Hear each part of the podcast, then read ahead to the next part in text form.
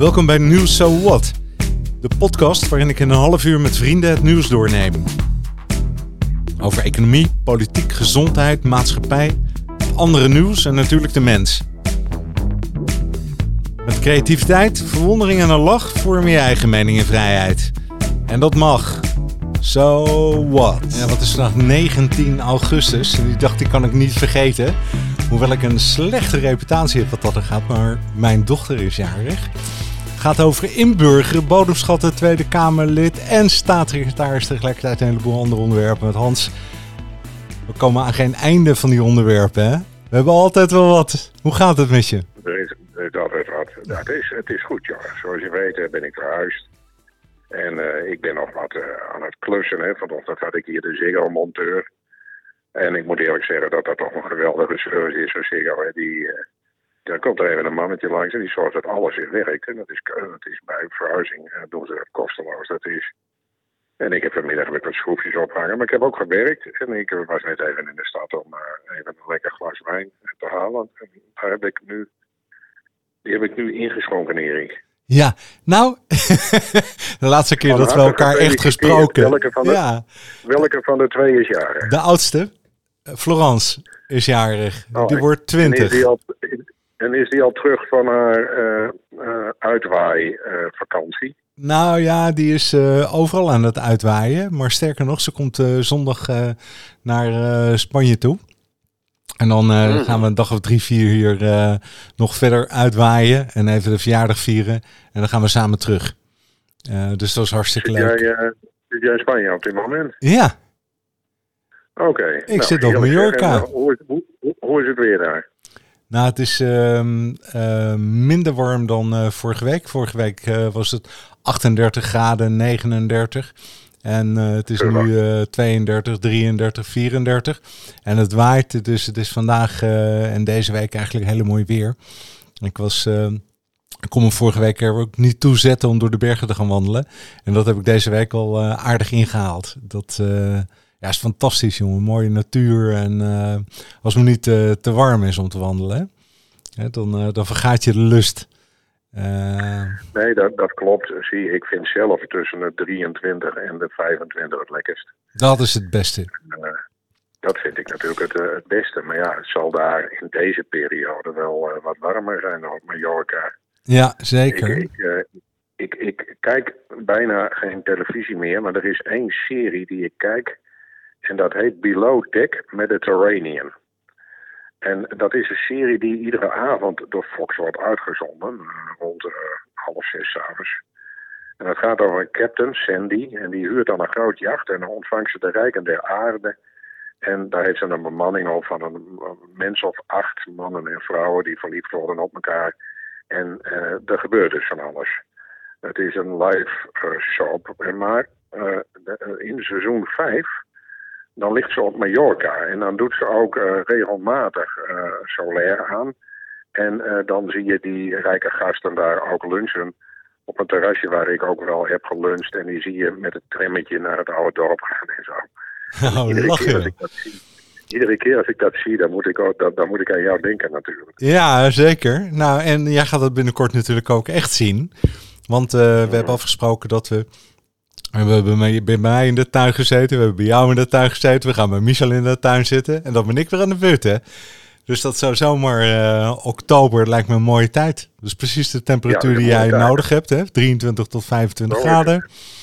En eh, dan kunnen we hier het onder de palmbomen eens even het, het, het wereldnieuws bespreken. Hè? Eh, De Ja, dat beslommeringen. lijkt me heerlijk. Mm, Heb je daar een fatsoenlijke airco in dat huisje? Ehm, de, de, de, de, daarvan kan ik zeggen sinds twee dagen wel.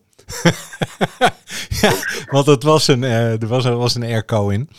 Ehm, en, eh, maar niet in iedere kamer. En eh 20 jaar oud. En milieuvervuilen, allemaal ellende. Dus die is in de grote verbouwing meegegaan. En ik slaap nu ook sinds twee dagen in de airconditioning. En ik vind het helemaal fantastisch, hè? Maar voor de rest zit ik in eh, zo'n kleine casita. En, eh, maar slapen doe ik in het huis. De, in de bouw tussen de bouwvakkers eh, spullen. Wel mooi. Ja, maar dan slaap je niet met 38. En dan is het, s'nachts is het 28, Ah. ja, dan slaap je niet. Ik heb twee nachten buiten geslapen, zelfs jongen, onder een klamboe. Oh, Dat was toch Oké, wel te ja, doen. ja. Viel niet tegen. Nee, nou ja, je, we kijken hoe lang geleden was dat. Dat was in 2007. Toen vertrok ik naar Suriname. In die tijd eh, was uh, nog niet aan de macht. Eh, en Santokki, die nu premier is, die was minister van Justitie. En bij de politie Amsterdam hielpen wij Suriname. Dat deden we door ieder jaar een nieuw politiebureau te laten bouwen. Waarbij wij- zij mochten weten hoe dat eruit zag binnen het budget. Maar wij gingen over de zellengang. Want de, de, de gevangenen werden er op een vreselijke manier in Suriname gehuisvest. Dus zeg maar, het ging dan voor de personeelsleden ging het een stuk vooruit. Met een meldkamer en alles erin. Maar voor de gevangenen ging het ook een stuk vooruit. En dan, eh, dat jaar ging ik, gingen wij zo'n bureau openen. Mhm. Maar we, we brachten ook ter bescherming van Santokki voor de verkiezingen, waarbij achteraf gezien Bouters aan de macht kwam, een arrestatieteam mee. En eh, eh, eh, toen kwam het erop neer dat Bouterse en Brunswijk zo kwaad waren op Bernard Welten en mij, wij waren daar samen, eh, dat wij door het arrestatieteam beschermd, beschermd moesten Hmm. worden. Maar dus wij dachten, wij kunnen beter naar Noord-Suriname. En daar werden wij heen gebracht door een vliegtuigmaatschappij die heette de Gebroeders of Broers Gump. en eh dan zat ik daar aan een rivier, een zijrivier van de Amazone-rivier. En eh, niks, geen telefoon bij ons. We hadden alleen een hengel bij ons om vis te vangen en wat rijst en vuur. En ik had één boek bij me, dat is Parfum. En toen hebben wij twee weken aan die rivier geslapen in een hangmat onder een klamboe. Maar ja, eh, wel gewapend met een geweer en een eh klewang. Omdat eh, je hebt daar een soort luipaarden. een soort jaguar-achtig beest. En je hebt er natuurlijk bosapen en allerlei gevaarlijke spul. Dus s'nachts hielden we vuur aan. Dus je kunt best lekker slapen natuurlijk in een hangmat en een klamboe. Ja, de eerste avond was het wel vreemd, vond ik hoor. Ja, want je bent toch alerter op eh, datgene wat voorbij komt. Maar het, tweede, het went snel, dat kan ik ook zeggen. Hè? Dus op een gegeven moment dan laat je het maar varen dat je op je instinct eh, eh, bezig bent. Weet je, dan denk je, ik ga slapen, morgen weer een dag. Hè? Als, ze, als ze kwaad willen, dan, dan is het maar zo. Het is niet anders. Nou ja, je geeft je over. Mooi verhaal. Hé Hans, over inburgeren. Dat, ehm, dat is een, eh, een belangrijk eh, thema eh, in deze tijd. En dat gaat natuurlijk ook voor de toekomst over inburgeren. En inburgeren in relatie tot Afghanistan heeft het weer een hele andere blik gekregen. Of krijgt een hele andere tak voor sport. Vind jij dat inburgeren verplicht is? Zoals dat nu gesteld is. Hoe, wat vind je daarvan eigenlijk? Ja, dat vind ik eh, wel een verplichting. Eh, ik vind dat als mensen hier op per, eh, vind ik dus niet, en dus vluchtelingen die hier op permanente basis willen verblijven, of en die noem ik tegenwoordig ook expats. Ehm, eh, en ook mensen, expats, die hier langer dan bijvoorbeeld een jaar blijven. Uh, maar ook gewoon gelukzoekers die eigenlijk geen vluchteling zijn en die komen vanuit Afrika en dan hier hun geluk zoeken. Voor zichzelf of voor hun kinderen. Uh, daarvan vind ik dat we van hun mogen verwachten dat zij zich inspannen om onze taal te leren kennen. Ja, ze zeggen wel uh, een proces waardoor ze een geschikte burger wordt, wordt het genoemd. Ik weet niet wat ja, dat is, nou, een geschikte burger, maar die belasting nou betaalt. ja, ik ja, dat, dat, dat klinkt wat raar. Zie, uh, als ik mensen uh, op bezoek krijg en die, daar ga ik voor koken.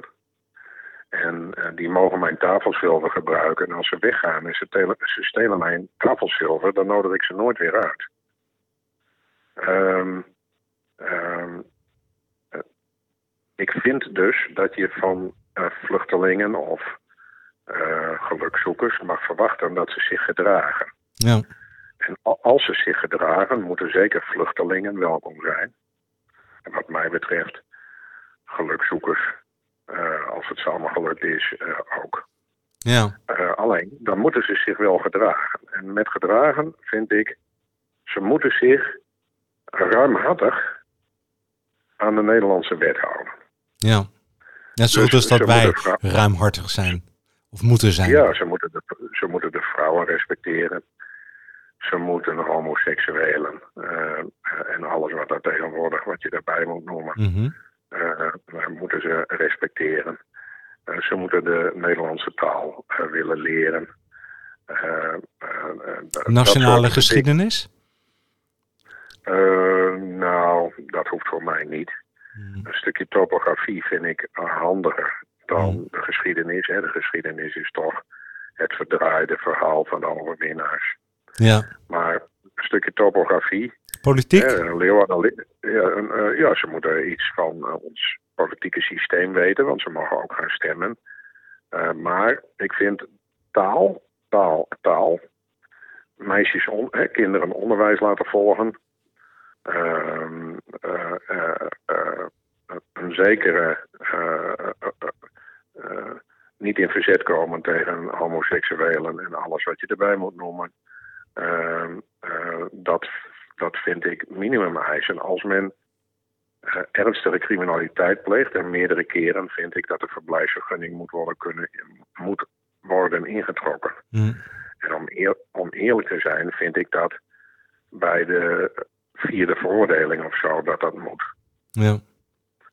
Zie, als ik naar Amerika ga en ik, pleeg daar, en ik krijg een green card en ik pleeg misdrijven, dan trekken ze die green card in. Zo hoort dat ook, dat is logisch. Ja. Ja. En dan komt er een nieuwe wet aan in eh, 1 januari 2022. Um, ehm, en dat is een reactie op de huidige inburgeringswet. Um, ze zijn het er allemaal over eens dat het niet meer werkt. En ze hebben de afgelopen twintig jaar in ieder geval ervoor gezorgd dat er steeds hogere eisen gesteld werden. Er, werd, werd, er ging nooit wat af. Hè. De, de eisen werden alleen maar hoger. Maar een heleboel instanties die keuren deze nieuwe wet nu al af op basis van wat ze erover gehoord hebben. En um, dus het blijkt wel een hot topic te zijn. Hè? Ik denk politiek gezien. Ja. Um, ik, vind die hele in, inburgeringswet en ook hoe wij met vreemdelingen omgaan onlogisch. Ik zal een voorbeeld geven. Er komt hier een vluchteling en die wordt opgevangen in een vluchtelingencentrum. Die krijgt zakgeld en mag niet werken. En mag ook niet naar school. Moet eerst de beoordeling, die heel lang duurt, van de IND afwachten. Zo is het nu. Ja. Uh, uh, ik zou mij kunnen voorstellen dat als er een vluchteling komt, dat hij kort wordt opgevangen in een vluchtelingencentrum. En dat hij afhankelijk van het beroep wat hij in het thuisland uitoefende, uh, stel dat hij textielarbeider was, of zij, dan gaan ze in de richting van de achterhoek, als daar behoefte is aan textielarbeiders als die mensen gedurende het onderzoek van uh, de ING uh, al werken, en ook gedurende het onderzoek van de IND uh, eh, de taal leren, dan moet dat een pre zijn in hun beoordeling. Als ze dat niet doen, dan moet dat een nadeel zijn in hun beoordeling. Mm dus ik vind dat die mensen meteen moeten kunnen leren en meteen aan het werk moeten kunnen. Dat kan nu niet. Ze worden eerst beoordeeld en dan kan dat pas. Ja. En dat ze afhankelijk van de resultaten gaan ze werken. Ik zie, er zou ook een vluchteling kunnen zijn die zegt, nee, ik wil in Amsterdam. Ja, maar dat is geen werk voor u. Nou, zeg ik, toch wil ik in Amsterdam. Dan moet dat negatief werken op, niet dat ze dat niet meteen roepen nee, maar dat is een negatief puntje voor wat betreft het oordeel over zijn toelating. Ja. Als die vreemdeling die in Amsterdam woont, na anderhalf jaar bij de IND komt om te horen wat men wil doen, en de vreemdeling spreekt nog in Nederlands, dan is dat een tweede negatief punt op zijn beoordeling. Een andere vreemdeling die zegt, hé, hey, in Drenthe of weet ik wat in Friesland of uh, weet ik wat in Limburg, daar is werk voor mij, die gaat daarheen met zijn gezin. en die spreekt na een jaar een beetje fatsoenlijk Nederlands, dan moet dat een plus zijn. Omdat de inspanning die de vreemdeling verricht Ja. voordat het definitieve oordeel wordt gesproken, als dat meetelt bij het oordeel, dan zie je wat voor vlees je in de kuip hebt. Ja. Voordat je het oordeel uitspreekt en niet het na. Dus het is een beetje een vreemd. eh, het systeem nu deugt niet. Nee, Dus systeem- dat zeggen ze ook, ja. Ja, En ehm, ehm, vind je dat de overheid de taak heeft om onze cultuur te beschermen? Ja, Erik, ik heb een totaal andere cultuur dan de mensen in Staphorst. Ja, En eh, de cultuur in Staphorst die is al jarenlang beschermd door het CDA en eh, de ChristenUnie. ja, Eh, met mede, me- medewerking van D66 en de VVD. Die roepen, ja, mensen zijn liberaal, die moeten zelf kunnen beslissen of ze zich laten inhenten en polio krijgen, of covid krijgen, of kinkhoest krijgen, of ja, een rode hond krijgen, eh, of de mazelen krijgen. ja, Eh, terwijl, eh, terwijl, ik, terwijl ik zeg, nee, als je de Nederlanders wil beschermen, dan moet je die mensen juist verplichten om die, die eh, inentingen te nemen. Dus ik vind onze cultuur, zie, dat is een te ruim begrip. ja, Maxima zei al eens, de Nederlandse cultuur die bestaat niet. Zie, jouw cultuur, de, jouw leefwijze lijkt op die van mij, maar wijkt toch weer af. ja, Die van mijn zoon, die lijkt ook op die van mij, maar wijkt ook weer af. En de mensen in Staphorst, die wijken nog weer helemaal af. En de mensen in Floradorp in Amsterdam, die wijken weer af van mij. En desondanks eh, zijn er weer dingen die we gemeenschappelijk lekker vinden. Als het warm is, drinken we een biertje. ja, En eh, een Fransman die drinkt pastis. Ehm, als het warm is, met water. Eh, wat moeten we nu beschermen, Erik? Nou, ik weet het ook niet. Hè. Wat ze nu willen is natuurlijk dat het van centraal weer naar decentraal gaat richting gemeentes. Dat zijn de bekende eh trucendozen dat het minder geld moet gaan kosten.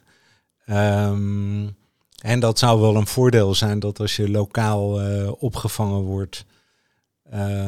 hoewel ik wel het idee heb dat wat nu zich in Afghanistan afspeelt, hè, dat mensen zich wat ruimhartiger opstellen en gemeenten zeggen, oh kom maar deze kant op of eh, hè, die op dingen opnieuw inrichten. Ik weet ook niet of daar geld mee gemoeid is.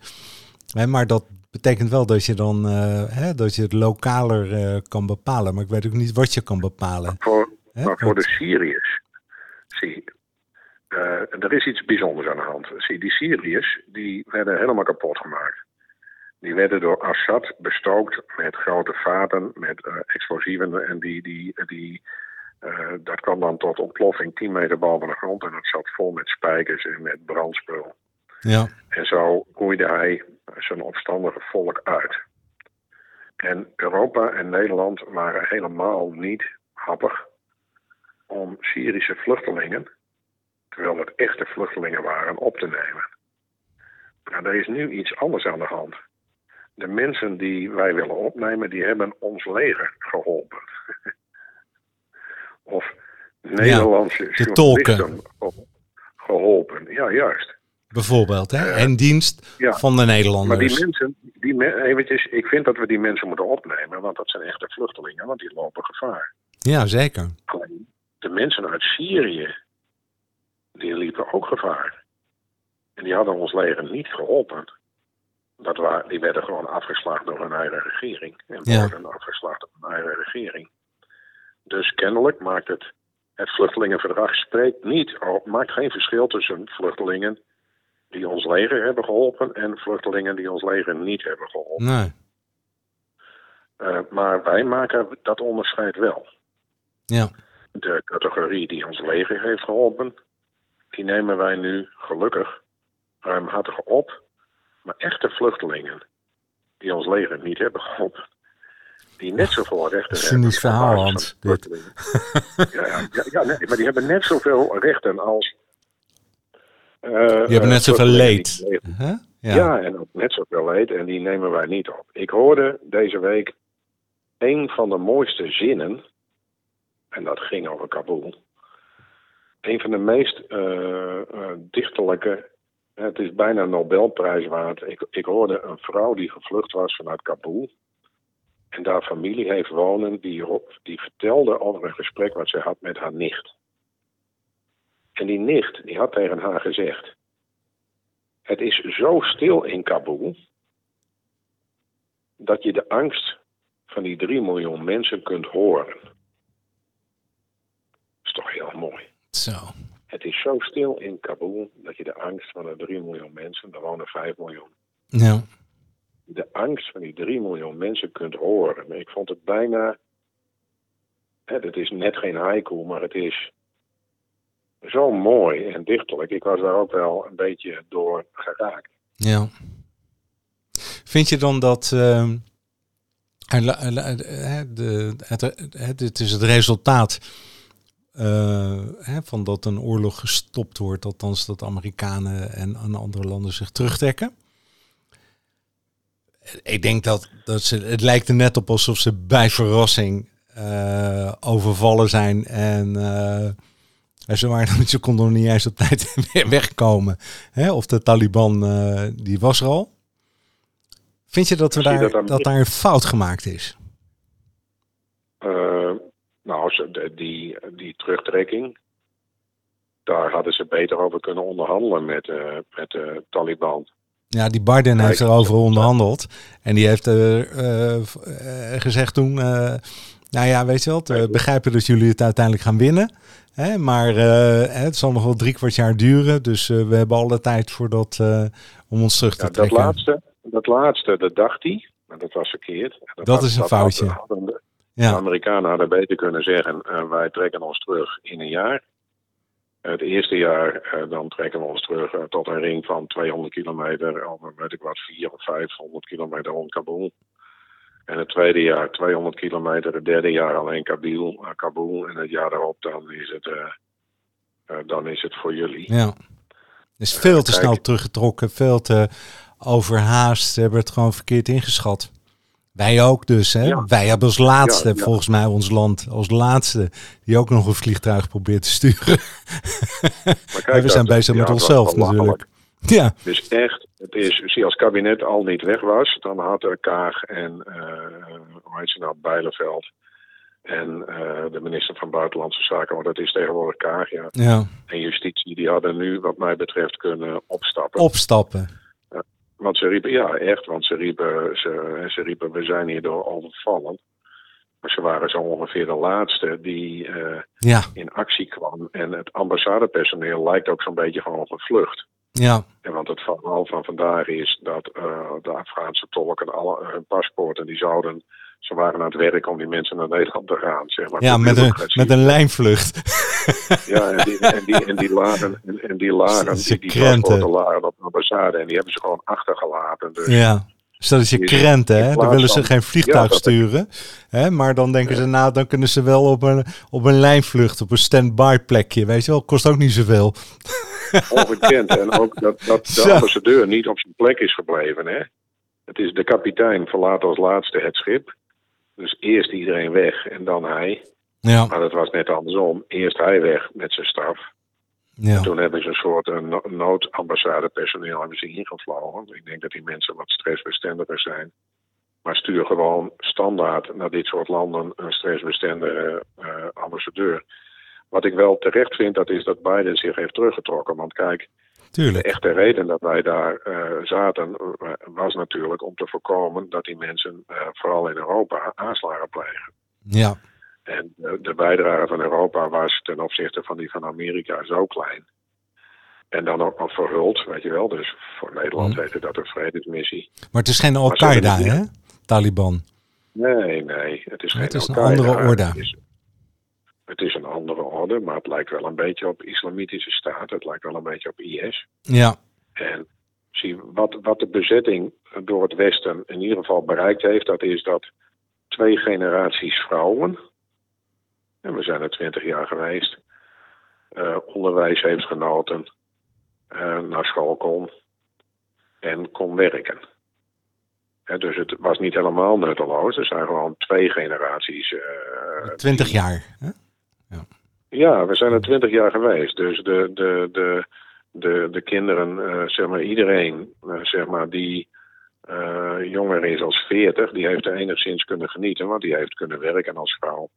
Of heeft onderwijs kunnen genieten. Dus dat is wat die miljarden hebben opgeleverd. Want ze roepen nu wel dat ze een zeg maar liberale islamitische stroming eh, Hmm. zullen vormgeven. Nou, de executies die waren al in volle gang gisteren.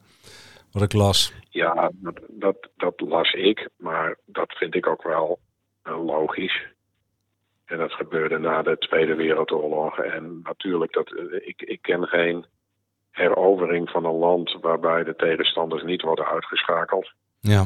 Eh, eh, zeg maar, dat is, dat, dat is natuurlijk standaard. Maar zouden we er niet zijn, moeten zijn na het zoveelste deficit?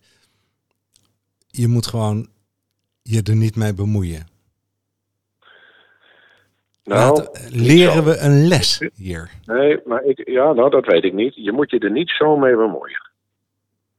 Dus niet op deze manier. Je moet niet zeggen, hey, we nemen een land in en dan installeren we daar een moedige regering die na een week vlucht. Eh, dat, is, eh, dat is niet zo goed. Kijk, eh, ehm, de andere, eh, dus eh, Libië. ehm, er is natuurlijk na het offensief van Amerika, waarbij Gaddafi ten val kwam, zijn ze daar niet gebleven. En dat had ook niet een goed effect. En dat had ook niet een goed effect. Dus hoe het precies moet, weet ik niet. Maar je kunt niet. Je kunt, je kunt het wel niet bezetten, dat kan. Je bezet het niet. Maar je moet je er wel mee bemoeien. Ja. Je kunt niet toelaten. Je kunt niet toelaten dat vrouwen als slaven worden behandeld. Nee.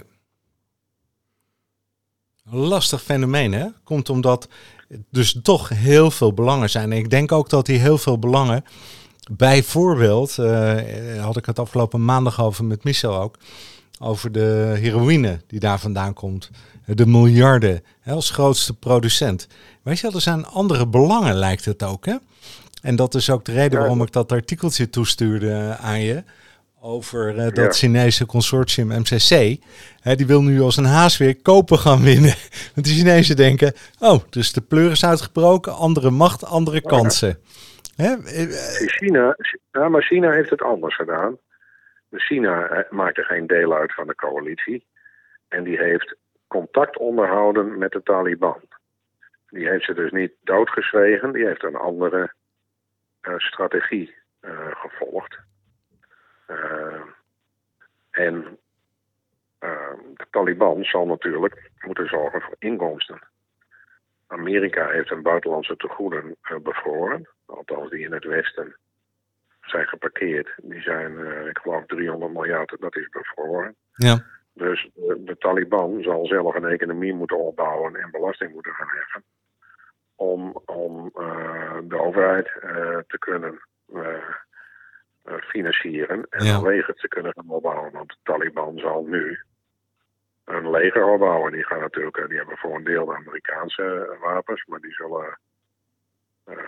nee, het, het- het lijkt me niet onwaarschijnlijk dat Amerika binnen drie jaar wapens levert aan de Taliban. Hebben ze eerder gedaan, hè? Maar je- de, Ja. vrienden, de Taliban. Ja, het is echt Ja. een... ehm, hey, hoe complex is het, hè? Om hier een chocola van te maken. hè? Van ja, wat doe je met die landen? Nou ja. En mijn In hemel. Amerika is het gewend om met dit soort landen om te gaan. Want Amerika is supergoed bevriend met Saudi-Arabië, waar vrouwen ook worden onderdrukt. Ja, Dus die, die mogen daar nog maar sinds anderhalf jaar naar een stadion of in een auto rijden, Erik. Ja, ja. Het is, eh, ik, ik bedoel daarmee, eh, Amerika kent ook de andere policy. Eh, en ik denk dat Amerika meer invloed heeft op het regime van Saudi-Arabië dan op het regime van, van de, Afghanistan. Ja, oh, zeker. En Zeker. hetzelfde, zie je, Pakistan wordt beschouwd als vriend van Amerika, maar is natuurlijk islamitisch gezien zo behoudend als ik weet niet wat. En is ook een land wat net als Qatar eh, terreurgroepen die hier terreur plegen steunt. Hm. En desondanks onderhoudt Amerika warme banden met dat land. Ja. dus Amerika beheerst ook het andere. Ja, nou, wij ook trouwens. Hè? Wij handelen met Rusland en ondertussen praten we over de MH17 met ze. Ja. Op een hele andere toon. Ja. ja. Ja. Want anders dan kunnen de Nederlandse komkommers en tomaten en aardbeien en appels en peren niet naar Rusland. Ja. Zit het, uh, kun je nu zeggen dat het allemaal een beetje verrot in elkaar zit? Ja. ik, ik, nou, het is niet dat ik er moedeloos van word. En ik wil het ook begrijpen en naar kijken. Maar uh, de geschiedenis herhaalt zich. Wat dat betreft is geschiedenis leren voor ook een inburgeringscursus misschien toch wel belangrijk. Omdat het zich blijft herhalen. En uh, iedere keer gaat het toch over geld, macht, uh, overtuigingen hè, van religie. Uh, ja, maar dan gaat het hier in Nederland ook. Kijk, de VVD en D66 die hebben een concept regeerakkoord geschreven. En het CDA riep, uh, die zijn wat handiger, die riepen, nou er zitten goede dingen in en er zitten slechte dingen in. En daarmee bedoelt het CDA vermoedelijk uh, steun aan het bedrijfsleven is goed, maar de aanpak van het milieu, dat hebben we liever niet. Of boeren. Hè? Ja. Maar de, de ChristenUnie was heel helder. Want kijk, als ze een eerlijk uh, regeerakkoord hebben geschreven, dan staat erin dat het vragen van een second opinion bij abortus en de wachttijd bij euthanasie, dat dat soort dingen eraf gaan. En dat er wat meer mag gebeuren dan stamcelonderzoeken. Hè, wat, wat, natuurlijk allemaal door het CDA en de CAU. En misschien wel dat de winkelopeningstijden op zondag nog verder worden verruimd. Uh, uh, dat soort dingen. Hè. Dus dat wat je nu straks per 1 januari 1922, dat kinderen de naam van de vader en, en de moeder mogen dragen. Hè. Allemaal dingen die tegen het christelijk geweten van de ChristenUnie ingaan, die staan er natuurlijk in. Ja. Dus wat zie je? Dat de ChristenUnie die heeft zichzelf in de wachtkamer gezet, want die gaat dan natuurlijk niet mee akkoord.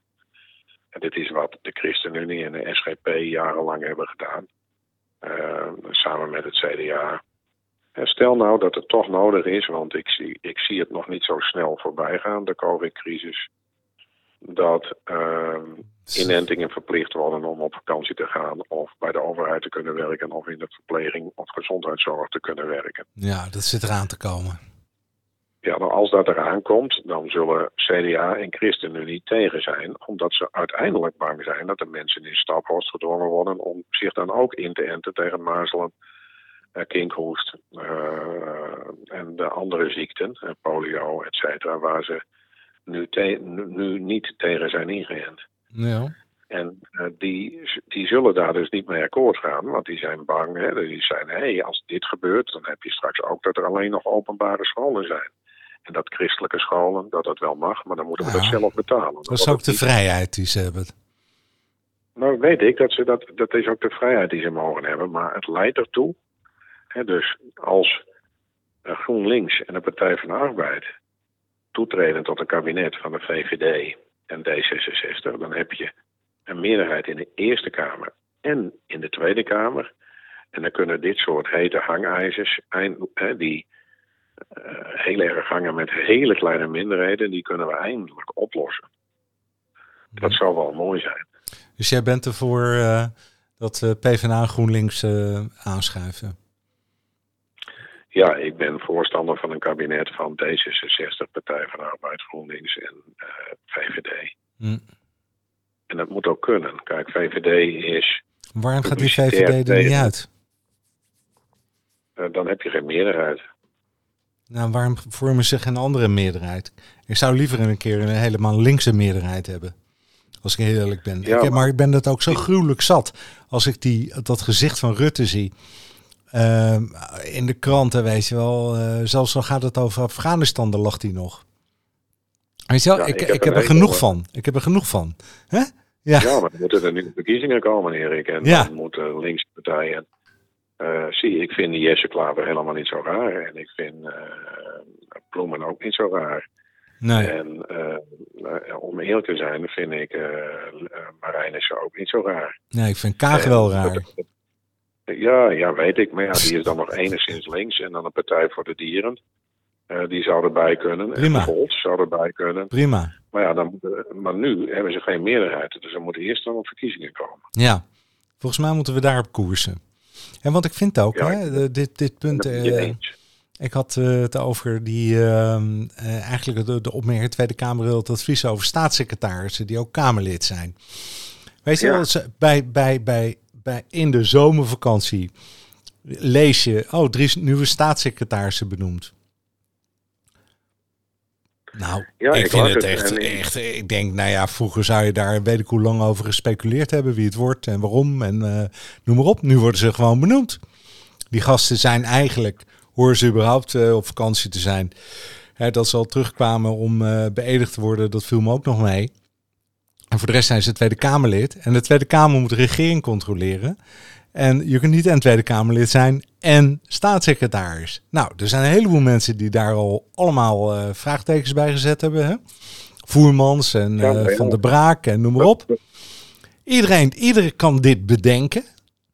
Hè? Buiten het feit van... gewoon Erik, het is gewoon heel eenvoudig. In de kieswet staat dat het niet mag. Nee, precies. En als ik me niet, aan- als ik me niet aan de wet hou, dan krijg ik een nakontrole, of krijg ik een boete van de belasting, of ik word gearresteerd.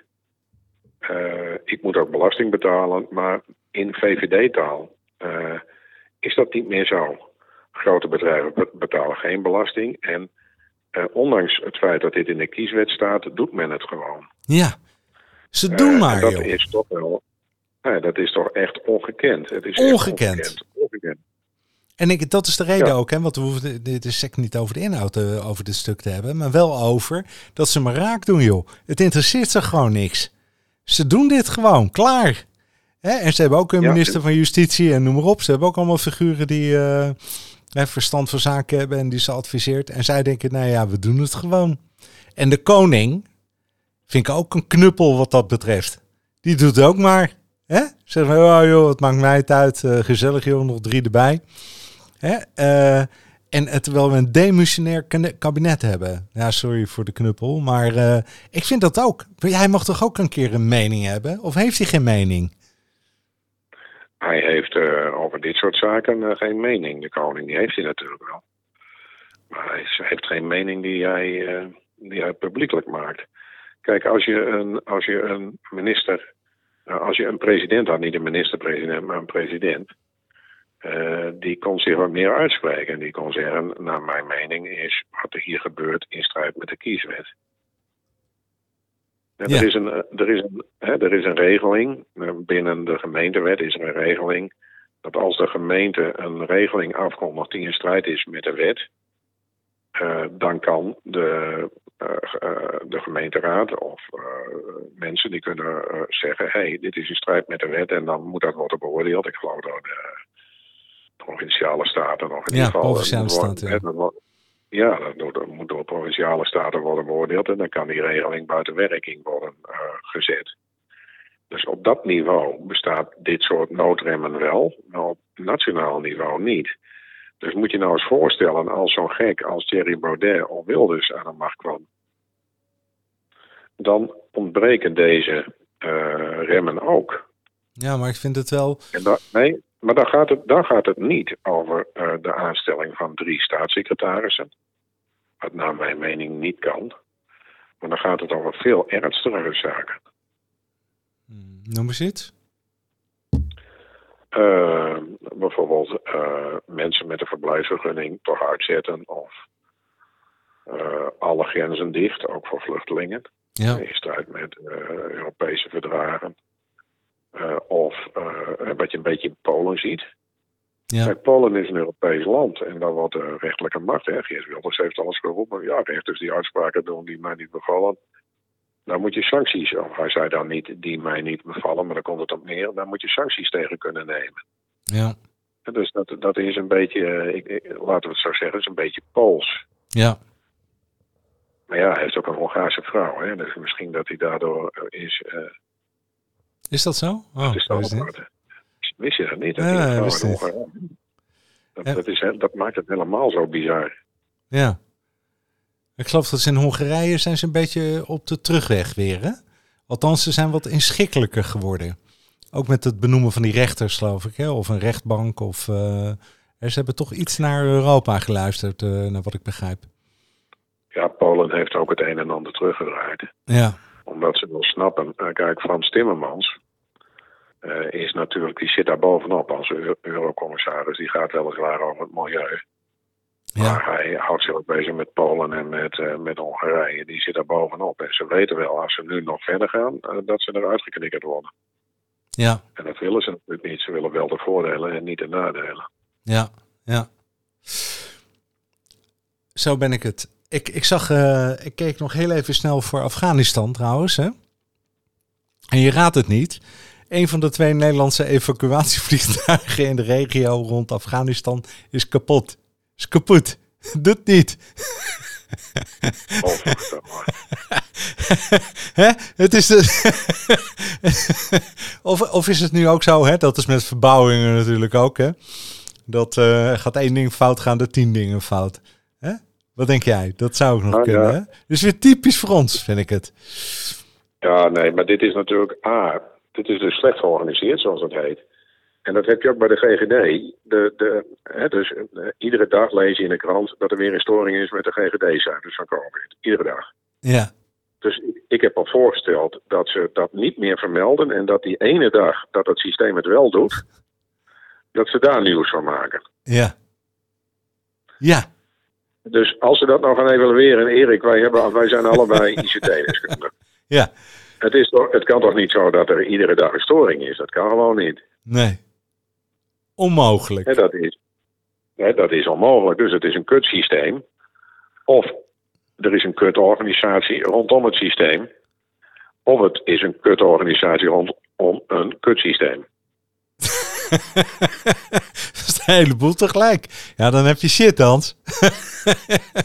Ja, maar dat- het valt jou toch op. Iedere dag zeggen ze, ja, weet ik wat, het zijn er minder, maar het is niet compleet. Het zijn er minder, want er was een storing. Het is minder, want er was een storing.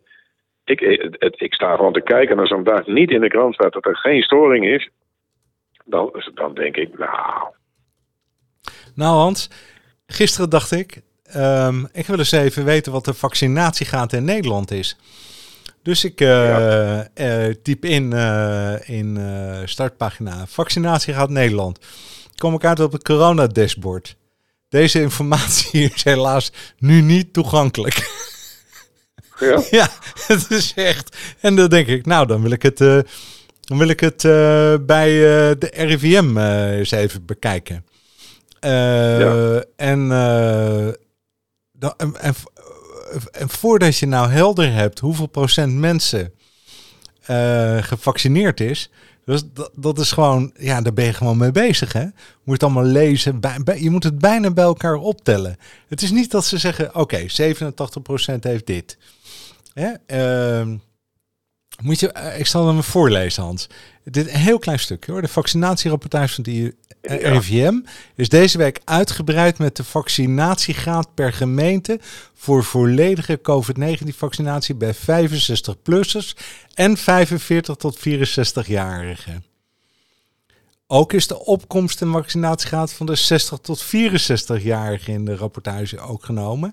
En deze leeftijdsgroep is voor één groot deel door de huisartsen gevaccineerd. Inmiddels heeft 87% van deze groep een eerste vaccinatie ontvangen. En ik denk, nou, ik kom er niet meer uit. het, is, het is gewoon niet te volgen, joh, wat ze opschrijven. Ik, ik, ik- maar doen ze dat nu bewust? Willen ze Nee, rook eh, creëren? Of wat is Nee, dat? Ik denk het niet.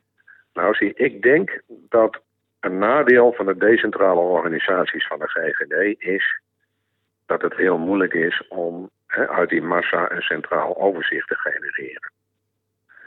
En die GGD's die werken ook niet allemaal met dezelfde ICT-systemen. De een koos voor dit en de ander koos voor dat. Dus ze hebben daar natuurlijk allerlei, weet ik wat, we hebben allerlei regelingen. Weet je, als middags op vijf uur, dan moeten alle GGD's dit en dit sturen per Excel naar dit en dit. En die laden dat dan in een centraal overzicht. En dan vergeet één dat of het deugt niet. En dan, en Nee, dat hadden we ook al met het aantal doden, weet je wel. Of het ja. aantal eh, opgenomen in het ziekenhuis. Nou, hoeveel daar we niet mee geëmmerd hebben, joh. Het ging over een paar honderd, hè? We hebben het over. Het beste woord, hier- het beste woord hiervoor is amateuristisch. Non-professioneel. Ja. Nou heb ik een vraag, Hans. Voor jou. Want ik lees hier nu, die ik gisteren niet zag, maar ik heel blij word nu. Zes maanden na de start van het vaccinatieprogramma zijn nu bijna 18 miljoen vaccinaties gezet. Ja. Alle 18-plussers heeft 77 één prik gekregen. Hoeveel 18-plussers zijn er nu volledig gevaccineerd? Ik denk 62 procent, maar dat weet ik niet zeker. 46 procent. 46, oké. Ja. 85 procent één prik. Nee, 77 procent één prik. Oké. Ja, dat is, eh, ik vind dat eh, nog een beetje laag voor die tweede prik, die moet erin. Ik vind dat heel laag. Ja. Onbegrijpelijk. Hier in Spanje trouwens, dan, eh, daar, daar zijn... ehm, Heb jij nu een prik gehaald of heb je die nog steeds niet? Nee, nee hoe, dat, dat heb ik niet nodig, hè? Ik heb Ja, een één prik. eh, 180 dagen herstelbewijs. Oké, maar dat, je hoeft niet, en, want ze zeggen dat mensen die het hebben gehad met één prik volledig beschermd zijn. Ja, ehm, Als ik jou was, dan nam ik nog even een Janssen-prik. ik heb net een stukje gelezen over Jans. Denk zo, nou, eh, ehm, ja, ik eh, ontmoedig niemand, maar ik denk, Hans, ik zou zo, zo graag een debat op tv willen. Met de vijf beste artsen van de wereld die bedenkingen hebben en vragen stellen. En vijf van de beste artsen die overtuigd zijn van datgene wat ze tot nu toe gemaakt hebben. En dat daar een gesprek over gevoerd wordt, live. Waarom Maar daar is gebeurt wel een dat probleem bij. Ik, nou, nee, kijk. Je kunt wel de vijf beste, beste artsen ter wereld vinden. Die kun je om een mening vragen. Die vijf, die zeggen allemaal dat je moet laten inenten. Als je dan gaat kijken van 5 tot en met 10, die vinden ook dat je moet laten inenten. Het is namelijk zo dat ongeveer 98% van de virologen vinden dat je moet laten inenten. Dan hou je 2% over van de virologen die vinden dat daar bezwaren tegen zijn. Dat denk je, hè, dit, hè? Dat, ik neem aan dat je dat gokt, ik. toch? Hè? Ja. Nee, nee, dit is een gok van mij. ja. En bij die, twee, bij die 2% kunnen best één of twee bekenden zitten, maar dus dat van jou is een beetje illusionair. Omdat eh, iedere. Eh, eh, er zijn geen duizenden doden ten gevolge van de eh, vaccinatie. En er wordt nu al bijna anderhalf jaar gevaccineerd. ja, maar dat... Maar er zijn wel, er zijn, er zijn wel tienduizenden doden in Nederland. En miljoenen doden ten gevolge van COVID. Dus de balans wordt per dag ongelijker. Ja, maar de balans dag. die... Hans, dit, dit- de- wij baseren ons... Je bent even de microfoon dus wat uh, sokker. Hey, maar uh, hey, je baseert je op gegevens die, net zoals ik kijk hè, bij het RIVM, uh, op gegevens die door, door het nieuws en verteld worden. Kom ik vorige week kwam ik een bericht tegen. Namelijk, Ja. er is een uh, CNN-reporter die um, uh, uh, er genoeg van heeft, het opgenomen heeft en een soort coming-out had. Zij vertelde het volgende verhaal. Uh, wij moesten een uh, rapportage maken van CNN. We gingen naar uh, ziekenhuizen, omdat er berichten kwamen dat er koeltransporten, uh, vrachtauto's waar uh,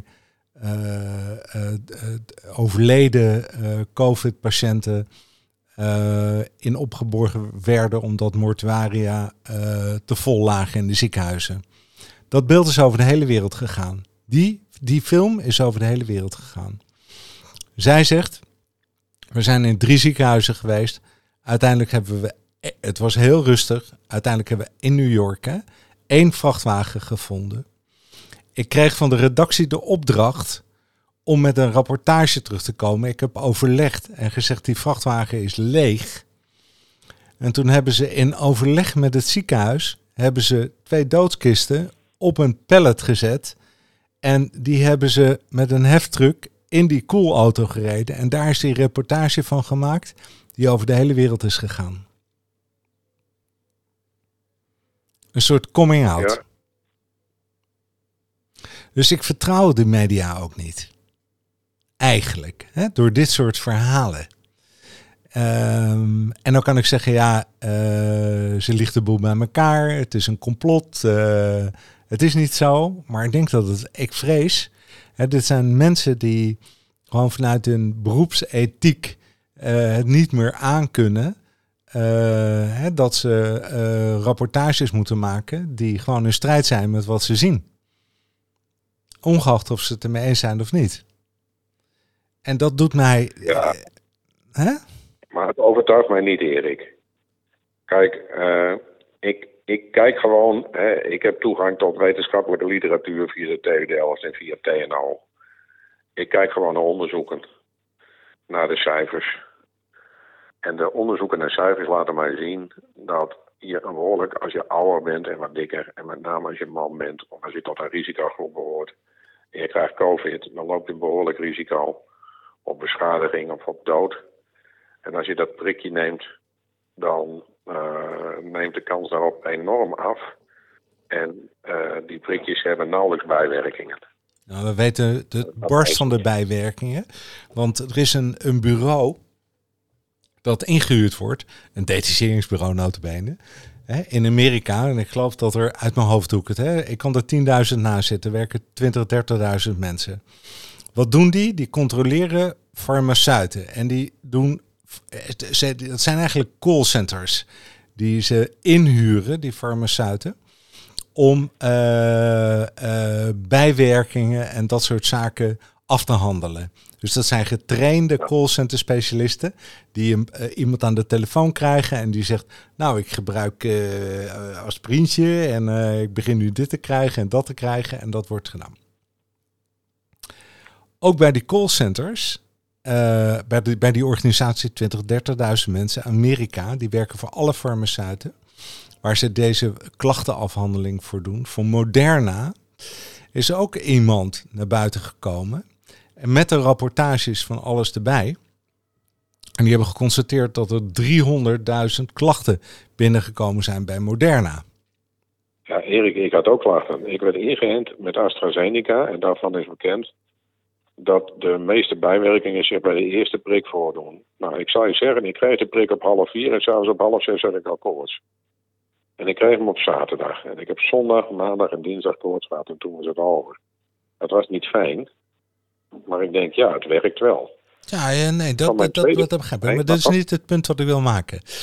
Ja, wat ik wilde zeggen is 300.000. Volgens de. Wat er vervolgens die moeten, cijfers die moeten aangeleverd worden bij de FDA, de Food and Drug Administration in Amerika, of in Nederland bij de LAREP of bij andere partijen. Het is niet LAREP die alleen maar, maar ook de farmaceuten hebben die verplichting om die gegevens aan de overheid aan te leveren. En wat er aangeleverd Ja, dat is, waren er 100.000. En dit is iemand die naar buiten gekomen is en gezegd is, die er ook genoeg van had en die werkte bij en die manager was van zo'n callcenter en gezegd, jongens, ik heb gezien hè, de rapportages die we aanleveren aan de overheid, CQ, wat we voor Moderna als intake hebben voor bijwerkingen, hè, dat is, een, hè, dat is een, een factor, nou ja, wat ik zeg, 100.000 op 300.000.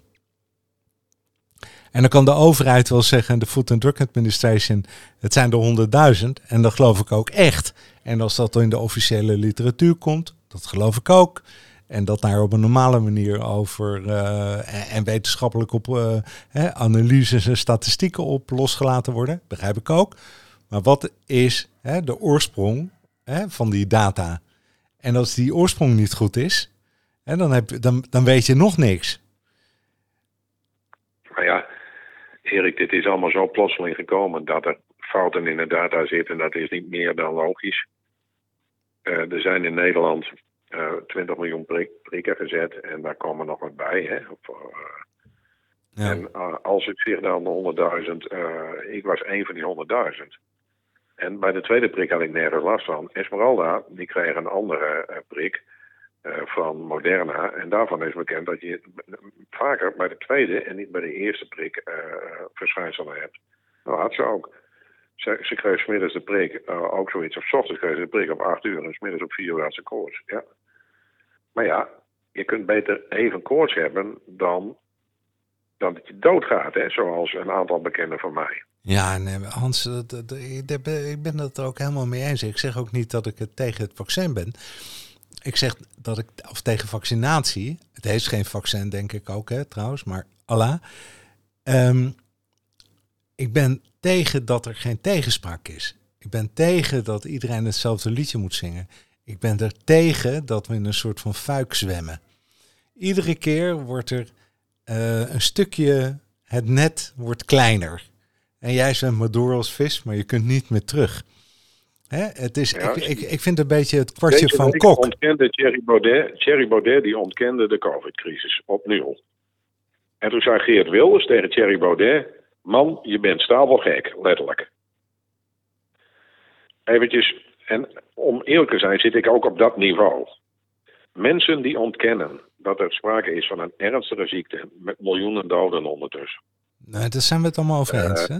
Ja. Nee, nee, en die, die, en die maar debat willen en maar blijven, hè, eh, eh, maar blijven zeuren, dan denk ik, dat is prima. Maar eh, of verplicht inenten en niet meer in de gezondheidszorg werken. Niet op vakantie kunnen. Als je je niet wil laten vaccineren, moet je de gevolgen ervan dragen. En hetzelfde wat ik vind van christenen in Nederland. Prima christelijke school, maar betalen zelf. Niet via de belasting. En nu is het via de belasting, omdat ze gelijkgeschakeld zijn met openbaar onderwijs. En dan denk ik, ja, ik, dus ik heb er helemaal geen bezwaar tegen. Iemand die mag ze niet laten inenten, maar dan kan hij niet meer Ja. in de gezondheidszorg werken. Dan kan hij niet op vakantie. Nee, En dan dat moet hij er maar voor lief hebben. ja.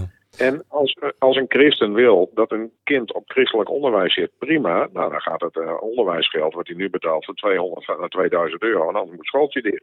Ja. Waarom moet er belastinggeld heen? Er is openbaar onderwijs. Ja, waarom, zou, waarom roken al die gasten en komen in het ziekenhuis? Hè? Er sterven er meer aan eh, de gevolgen van roken dan aan COVID. Eh, waarom eh, moet ik dat betalen als die gasten roken? Nee, maar dat, dat vind ik ook. En eh, no- nog iets anders. Kijk, er zijn mensen die zich niet laten inenten, die al jarenlang frikandellen eten en eh, eh, hamburgers eten en andere troep eh, van McDonald's. En dan weten ze ook niet wat erin zit. En dat eten ze toch. Ja. Ja. Is, is ook. Net zo Ja, complex, man, als dat over- ja, inburgeren helemaal bijna, joh. wat- Dit. ja, nou, ja. Ah. En weet je wat ik zo mooi vind, Hans? Dit vind ik nou, ik, ik, ben- ik ben hier, hè, we zijn aan het einde gekomen, we zijn een uur verder. Maar ik vind het gewoon een gesprek alsof we bij elkaar aan tafel zitten. Ja, nee, zo Hè? moet het ook. Ja, zo moeten. Ik, ik was helemaal vergeten. Ik was helemaal vergeten, joh, dat we in een, ge- in- in- aan een opname bezig zijn van iets. Ik was met jou gewoon aan het, aan het kletsen alsof we tegenover elkaar zitten. Nou wil het toeval dat ik ook een glaasje wijn heb ingeschonken, Hans. Dus, eh eh, wat had ik al, hè? Maar eh, Ja, laten, we, laten we klinken. En klinken op de vriendschap. We klinken, Erik, we, klinken, we klinken op onze vriendschap. En eh, dat co- COVID maar snel weg mag zijn. Zo En is dat alle dat. vrouwen in Afghanistan eh, eh, het komende zomer maar in bikini naar het zwembad mogen. Oh, wauw. Ja, er zit ook heel veel meer achter, hè? En kun je nog even herhalen die mooie zin die Ja. je had? Het, was, het is zo stil in Bagdad dat je de angst van 3 miljoen mensen kunt horen. Ja, Mooi hè? mooi. Nee, een hele goede tijd nog. Ja. eh, tot volgende week. Dag. Hans, hoi. Hoi.